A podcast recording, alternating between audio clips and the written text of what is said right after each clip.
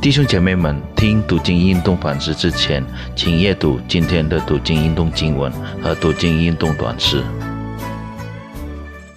弟兄姐妹们，主日平安！感谢神，每到主日，我们就有特别的时间来亲近神。让我们今天也有一点点的时间，再来思想他的话语，好吗？我们一起来祷告。主，我们真感谢你。实在是你的恩典，加给我们每一天够用的力量。愿主你继续向我们每一位施恩。新的一年，看顾我们，保守我们，藏在你的里面。谢谢你，奉主耶稣基督的名祷告，阿门。感谢神，今天我们一同思想的经文是创世纪第十七章。主题呢是立约的记号。那创世纪第十七章比较长，我们不能全部都读。我们打开圣经来读前面的十四节。创世纪第十七章一到十四节。亚伯兰年九十九岁的时候，耶和华向他显现，对他说：“我是全能的神。”你当在我面前做完全人，我就与你立约，使你的后裔极其繁多。亚伯兰俯伏在地，神又对他说：“我与你立约，你的名不再叫亚伯兰，要叫亚伯拉罕，因为我已立你做多国的父。我必使你的后裔极其繁多，国度从你而立，君王从你而出。”我要与你，并你世世代代的后裔建立我的约，做永远的约，是要做你和你后裔的神。我要将你现在寄居的地，就是迦南全地，赐给你和你的后裔，永远为业。我也必做他们的神。神又对亚伯拉罕说：“你和你的后裔必世世代代遵守我的约，你们所有的男子都要受割礼。”这就是我与你并你的后裔所立的约，是你们所当遵守的。你们都要受割礼。这是我与你们立约的证据。你们世世代代的男子，无论是家里生的，是在你后裔之外用银子从外人买的，生下来第八日都要受割礼。你家里生的和你用银子买的，都必须要受割礼。这样我的约就立在你们肉体上。做永远的约，但不受割礼的男子必从民中剪除，因他背了我的约。那圣经我们暂时就读到这里。今天是腊月二十四，腊月二十四呢，也叫南方的小年，是中国南方过小年的日子。那呃，过小年的时候做什么呢？其中一个就是他们会祭拜灶神呐。啊，以前呢是不像现在用煤气，是生呃是烧柴火灶有灶台的。那他们是祭送这个灶神上天的日子。那他们会把这个灶君的神像贴在灶的这个上面啊，旁边的墙上。贴在那里是怎么样呢？那呃还会有对联啊，旁边还有对联，对联上联的呢一般像这样说：上天言好事，下联是下界保平安，横幅横幅横批啊一家之主。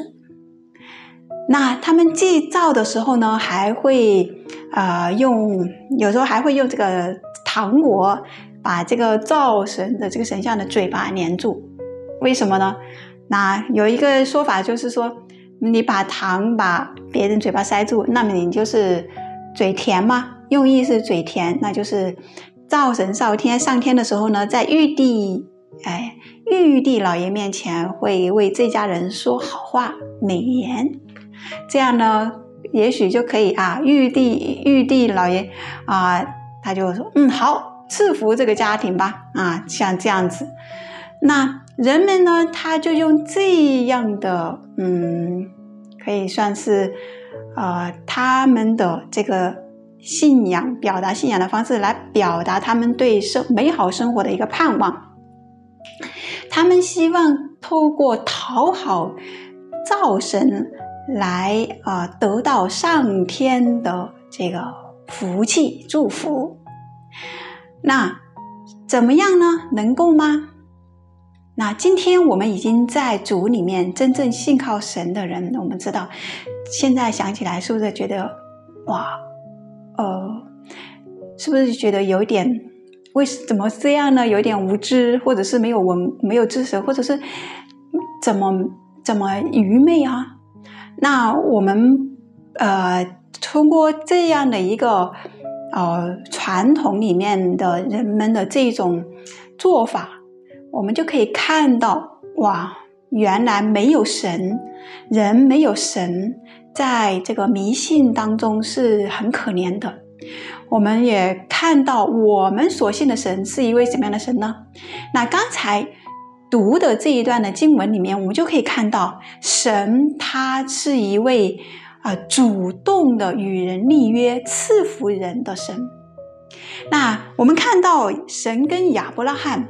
亚伯拉罕做了什么吗？他行在神的面前，他做什么来换得神的祝福吗？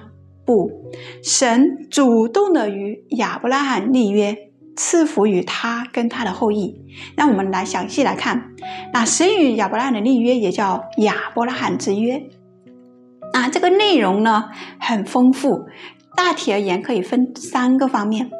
那第四节你看。我与你立约，你要做多国的父。神与亚伯拉罕立约，啊，应许他会做多国的父。第六节，我必使你的后裔极其繁多，国度从你而立，君王从你而出。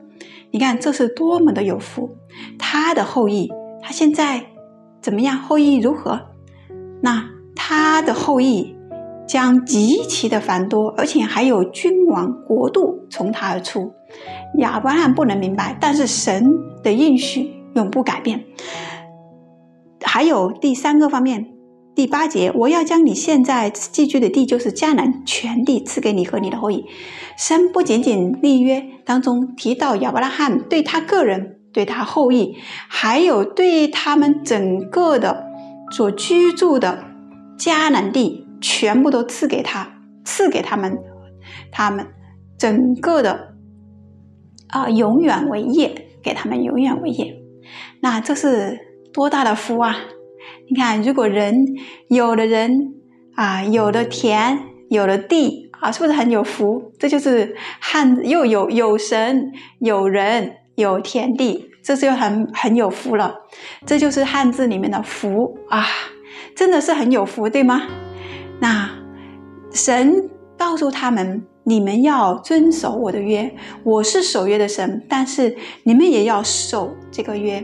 那立约有记号，这个记号呢，神给他们的一个记号就是受割礼。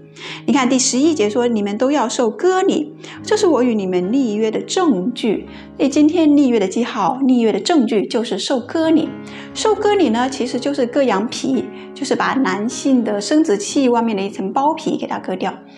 那受割礼，亚伯拉罕他和他家中还有买来的所有的男丁的这个都要受割礼啊。以后的还出生的孩子，男丁八天啊就要受割礼啊。那我们看到神给亚伯拉罕。之约的这个记号就是受割礼，而且他们受割礼了之后，他们也要表达他们要守神的约，要世世代代的来呃尊耶和华为他们的神，并且要在他面在神面前过正直的啊人生。那这是表明神对亚伯拉罕及其他及他后裔的爱。那是他所拣选的。那今天我们作为属灵上的亚伯拉罕的子孙，啊，我们也是要受割礼吗？啊，当然不必。啊，今天我们不需要受割礼。那保罗也说，那真正是我们要成为那真正受割礼的，那心里面受割礼的，那是怎么样呢？耶稣说，他用他的宝血为我们立了新约，更美的约。那耶稣在十字架上为你为我而死，他为我们成就了更美的约。今天我们真正悔改、跟随神、信靠耶稣为我们个人救主的人，我们是已经真正心里受割礼的人。我们不必再。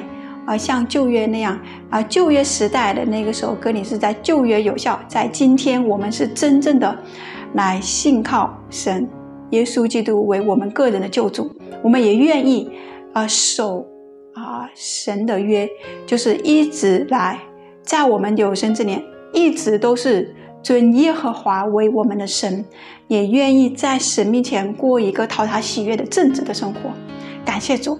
感谢神，所以今天啊，我们的福气从哪里来呢？啊，我们的好处不在神以外。阿门。啊，新的一年，盼望我们每一个人都记得，神在基督里面跟我们立了永远的约。耶稣的宝血已经立了，为将我们跟神之间啊的这样的。墙垣隔断已经已经破除了，已经断了，所以我们可以坦然无惧来到神面前，而且神很愿意赐福于我们每一个人。我们愿意来一直跟随他，也愿意一直活在他的里面，啊，愿意在有生之年尽我们所能的来为主而活吗？感谢神，愿神来啊赐福您跟我每一个。都在他的里面，我们一起祷告。主，我们真感恩，谢谢你新的一年，让我们再一次回想你在我们身上何等的恩典啊！你是守约是慈爱的神，你也愿意把你的福赐给我们每一个人啊！愿主你给我们愿意啊守约的心，而且诚实的活在你的面前，无论我们啊软弱也好，犯罪也好。嗯，主啊，求你向我们施恩，让我们可以随时来到你面前，来诚实的向你认罪悔改，来诚实的向你倾心吐意。求主你啊，带领我们新每一个人新的一年，我们可以一直坚定的在你的里面，依靠你走前面的道路。谢谢你啊，我们这样的感谢，祈求奉主耶稣基督宝贵的圣名，阿门。愿神赐福我们每一位。